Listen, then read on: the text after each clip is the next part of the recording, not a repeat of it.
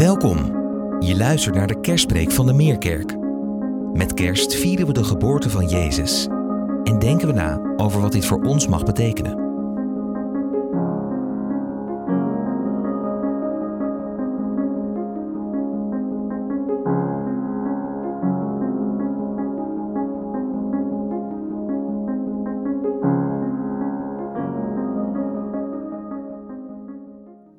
overrompeld door het wonder dat u van mij houdt.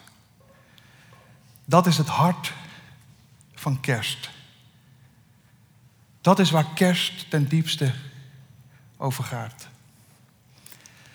Deze diepe betekenis van kerst, die werd als eerste geopenbaard aan herders. Herders die midden in de nacht de wacht hielden over hun kudde. Zij waren het die als eerste deze boodschap hoorden. Het was niet aan de koning. Het was ook niet aan de keizer, ook niet aan de gouverneur. Ook niet aan een dominee of wie dan ook met een bepaalde mate van aanzien of een hoge maatschappelijke status. Nee, God koos herders van wie we de namen niet eens weten. Zij werden tegen alle verwachtingen in overweldigd door een stralend helder licht. En zij hoorden daar de allereerste kerstspreek van een engel. Wees niet bang. Ik breng het mooiste nieuws dat jullie ooit gehoord hebben. Vandaag is in Bethlehem de redder geboren. Christus de Heere. Dat is het hart van kerst. Jezus is het hart van kerst. In de loop der jaren hebben we ook wel gezien dat dat hart van kerst langzaam maar zeker, heel, subtiel, uit het kerstverhaal verdwijnt. Er is een winkel die kerststallen verkocht. En die winkeleigenaar die had een A4'tje gehangen bij de kerststallen waarop stond: De kerststallen zijn zonder Jezus. Als je die wil, dan is die te verkrijgen bij de kassa. We halen het goede uit het goede nieuws. Heel subtiel. En misschien is het wel omdat mensen tegenwoordig niet meer zitten te wachten op goed nieuws. Dat kan natuurlijk. Zeker als je de afgelopen weken, maanden tv hebt gevolgd. Dan heb je namelijk ook wel misschien iets meegekregen van het SBS 6 fiasco. Goed nieuws vandaag. Een programma, een tv-format dat bedacht was om elke dag goed nieuws te brengen. Goed nieuws uit te zenden. Afgelopen vrijdag was de laatste uitzending. Vanwege de tegenvallende kijkcijfers. Het is Johan Derksen die misschien wel profetisch over dit tv-format al zei voordat het überhaupt begon. Hij zei profetisch misschien wel: dit programma wordt een flop. Want niemand zit tegenwoordig meer te wachten op goed nieuws. Nou, daar zitten we dan, hier in deze zaal, met kerst. Te luisteren naar een boodschap waar we helemaal niet op zitten te wachten. De boodschap dat God mens werd en in Jezus Christus ons opzocht. Niet alleen wordt dat hart van kerst, Jezus zelf, langzaam maar zeker uit het kerstverhaal verwijderd. Onze versie van kerst is zonder Jezus. Maar in de loop der jaren zien we ook dat er steeds meer nieuwe dingen toegevoegd worden aan onze versie van het kerstverhaal. Als je hier kijkt, dan zie je heel veel dingen die eraan toegevoegd zijn. Ik moet denken ook aan het moment dat ik op de basisschool zat, zo'n aantal jaren geleden. En ik denk dat het daar al ergens begon. Het moment dat ik op de basisschool zat en de meester tegen ons als klas zei: Jullie gaan met elkaar samen een kerststal vormen. En om die kerststal samen te vormen, komt iedereen verkleed naar school. En dat was de oproep aan de hele klas. Jullie vormen een kerststal, kom verkleed naar school. En iedereen werd een onderdeel van die kerststal. Maar we mochten zelf uitzoeken wat dat onderdeel dan wat zou zijn. Of wie dat onderdeel zou zijn. En zo werden we naar huis gestuurd. En we konden ons verkleden als Jozef of Maria of als het kindje in de kribbe. We konden ons verkleden als een herder of als een kerstster of als een ezel of als een kameel of whatever, maakt er niet uit. Als je maar verkleed naar school kwam en onderdeel uitmaakte van die kerststal. En zo kom ik thuis en mijn moeder had een fantastisch idee. Mijn moeder was deel van een carnavalsvereniging en had toevallig nog een pak liggen. En zo ging ik naar school. Verkleed als een banaan. en op mijn rug, groot in blokletters, ik ben de pisang. En zo stond ik als banaan, drie keer zo groot als Maria zelf, in de kerststal. Niemand wist dat dat te maken had met kerst. Ik ook niet. Ik liep krom en iedereen lag krom van het lachen. Maar waarschijnlijk was mijn moeder wel een trendsetter. Als het gaat om nieuwe toevoegingen aan het kerstverhaal. Wat helemaal niets met kerst te maken had. Want als we kijken naar kerst anno 2023, dan zien we dat we allerlei nieuwe dingen hebben toegevoegd aan dat kerstverhaal.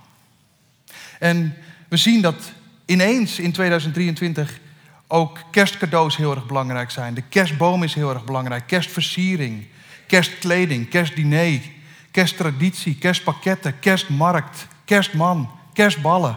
We kunnen het zo gek niet bedenken of we vinden dat heel erg belangrijk. Dat is kerst anno 2023.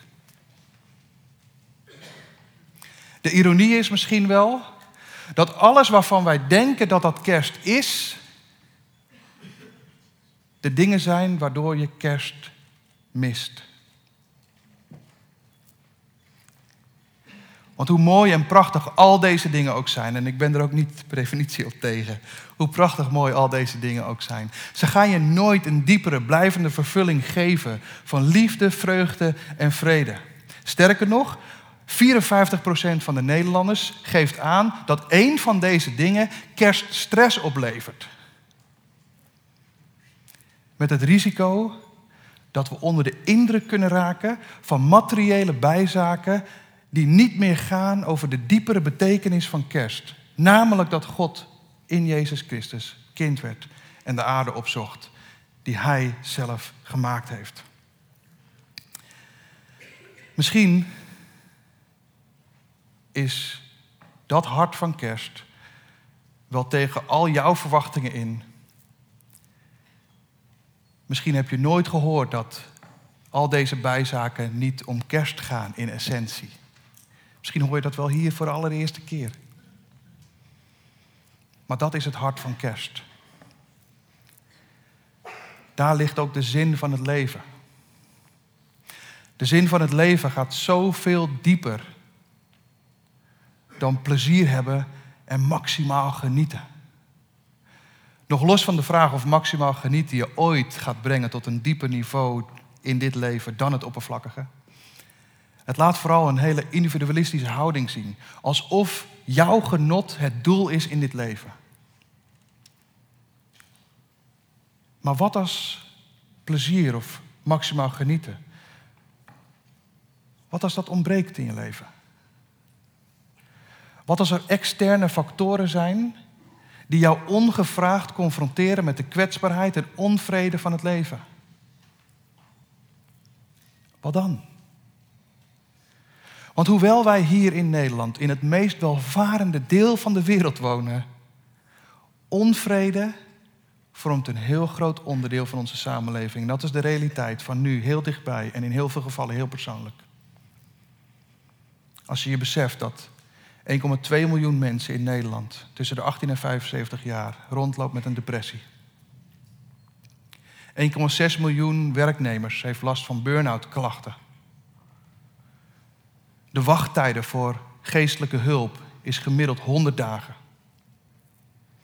In 2022 waren er 457.000 kinderen geholpen door jeugdzorg. In hetzelfde jaar 2020 vroegen 23.603 stellen een echtscheiding aan. En we tonen onze onvrede massaal in de talloze demonstraties die we hebben in dit land. In de 14 grootste steden van Nederland. Dit jaar 3000 demonstraties. Dat is een stijging van 500 ten opzichte van twee jaar geleden. En alleen in Amsterdam is het in de afgelopen 10 jaar gestegen van 260 demonstraties per jaar naar 1510 demonstraties per jaar. En we gaan de straat op met z'n allen om onze onvrede te uiten over talloze thema's. Over de zorg, over vluchtelingen in ons land, over klimaat, over politiek, over internationale conflicten, over werk en over religie. Het hele idee dus dat vrede gelijk staat aan de afwezigheid van oorlog en geweld, dat is dus niet juist. Wij in Nederland tonen dat voorbeeld daarin. We wonen in een land zonder oorlog en met relatief weinig geweld als we dat kijken ten opzichte van andere landen. En toch wonen we in een land waarin ook hier in deze zaal mensen zitten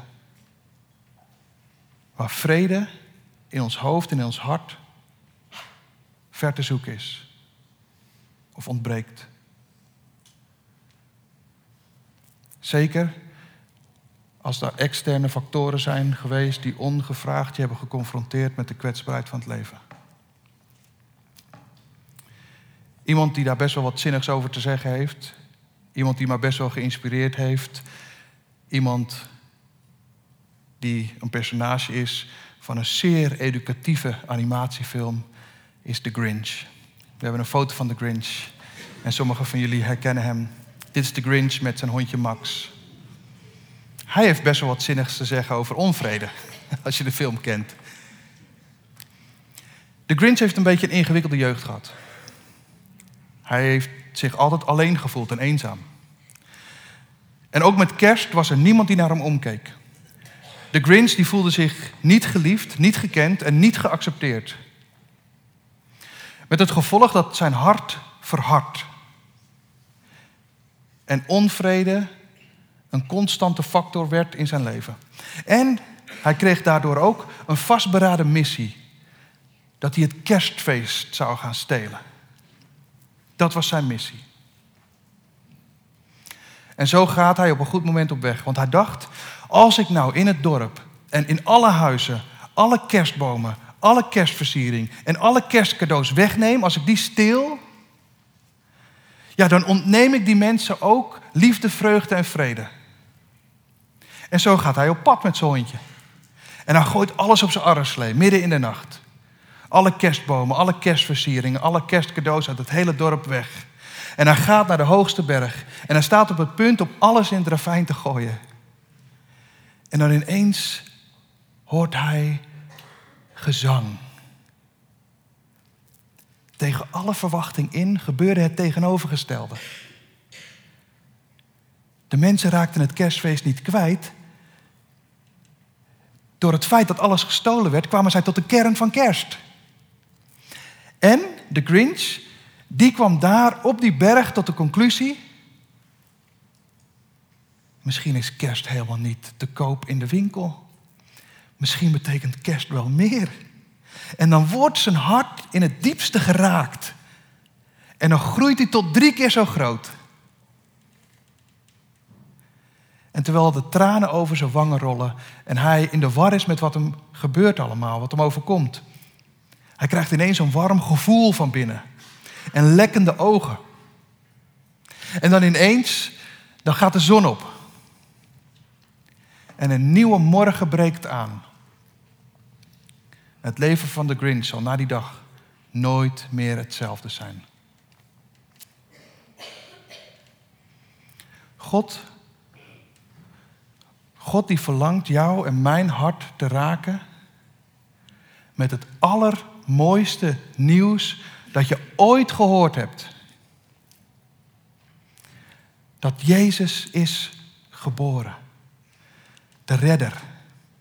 De redder van onszelf. De redder van al onze tekortkomingen. De redder van al ons falen. De redder van onze zonden. De redder van het missen van ons doel. De redder van onze onvrede. De redder van een eeuwigheid van God los. En die redding, die redding die komt niet op basis van onze daden. Die redding is op basis van Zijn genade. Jezus wist dat de enige manier voor mensen omhoog naar God Zijn weg omlaag naar de mensen zou zijn. En daarom staat Jezus vandaag de dag nog steeds hier, naar jou en mij, met een uitgestoken hand. Een uitgestoken hand naar jou en mij om je weer in eenheid en in relatie met God te doen leven. En jouw hand in de zijne doet een nieuwe morgen aanbreken. Je leven zal nooit meer hetzelfde zijn. Dat is het evangelie. Dat is het goede nieuws. Dat is het hart van kerst. Jezus is het hart van kerst. Hij kwam als het licht in de duisternis van onze wereld. Als een kind geboren naar de aarde die Hij gemaakt heeft. Om jou en mij te verlichten. Hij verlangt jou en mij te verlichten. In de dubbele zin van het woord. Hij wil ons verlichten van de lasten die we dagelijks met ons meedragen. En hij wil ons verlichten te midden van de duisternis waar we ons dagelijks in bevinden. En dat is een realiteit van nu, dichtbij en heel persoonlijk. God houdt van je. Jezus is het bewijs. Hij is het hart van kerst. Want een kind werd ons geboren. Een zoon werd ons gegeven. En de heerschappij zal op zijn schouders rusten. En dit zullen zijn koninklijke titels zijn.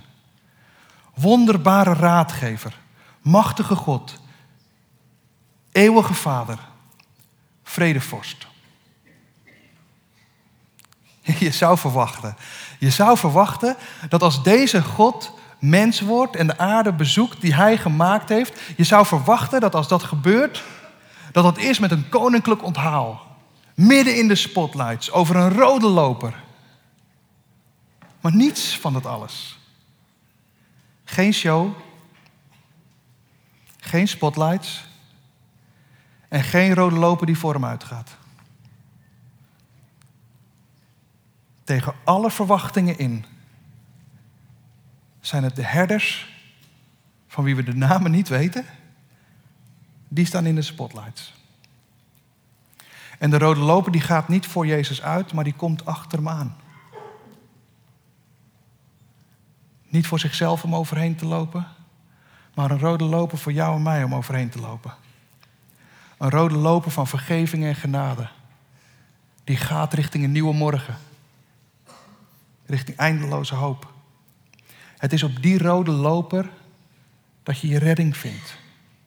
Liefde, vreugde en vrede. Anderhalf week geleden ontvingen wij in de kerk een bericht van mensen uit het Midden-Oosten. Vanuit een land waar momenteel oorlog is. Zij schrijven Momenteel is vrede op aarde hier in dit land ver te zoeken. En om die reden heeft de Raad van Kerken in dat land besloten om alle kerstactiviteiten te schrappen. Zij zeggen, wij kunnen geen kerstfeest vieren in tijden van oorlog en daarom dit jaar een sobere kerst. Geen kerstfeest met kerstbomen, kerstversiering, kerstmarkten. En hun oproep die luidt, zouden jullie met ons mee willen bidden dat misschien wel juist dit jaar het hart van de mensen geraakt mag worden door de diepere ware betekenis van het kerstverhaal. En misschien landt die boodschap wel veel eerder nu, omdat we geen afleiding hebben van decoratie. En dat deed mij denken aan de Grinch. En het doet me verwachtingsvol uitzien naar het moment dat de mensen daar, maar ook wij hier nu, weer het hart van kerst gaan zien.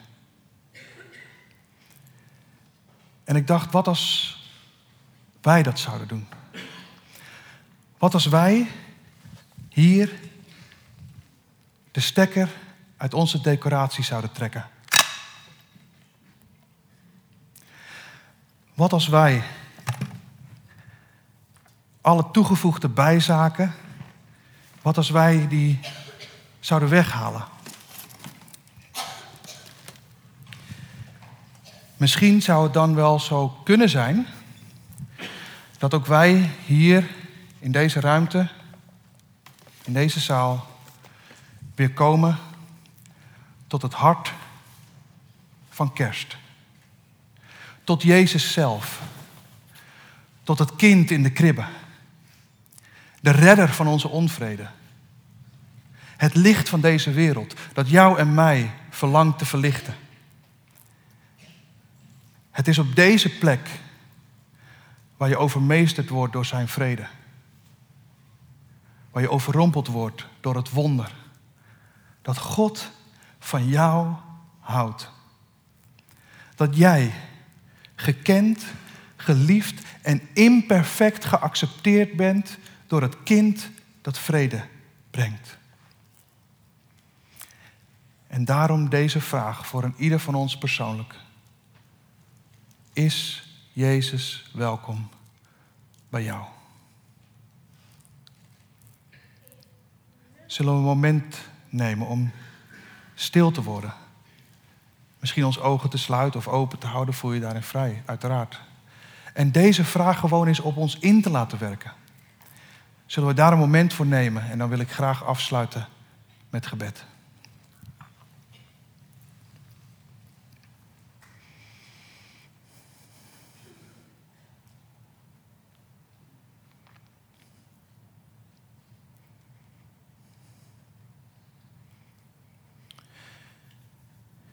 Ja, Heer, we zitten hier allemaal anders.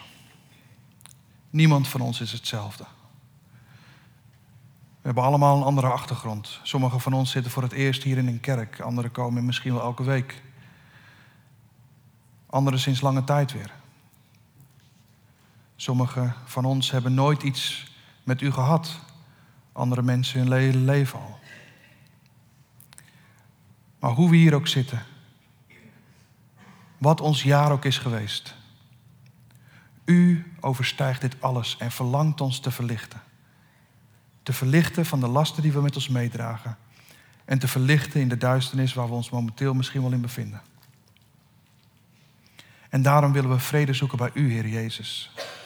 Vrede bij het kind. Omdat we weten dat als we vrede zoeken bij U, dan komt er een nieuwe morgen en zal ons leven nooit meer hetzelfde zijn.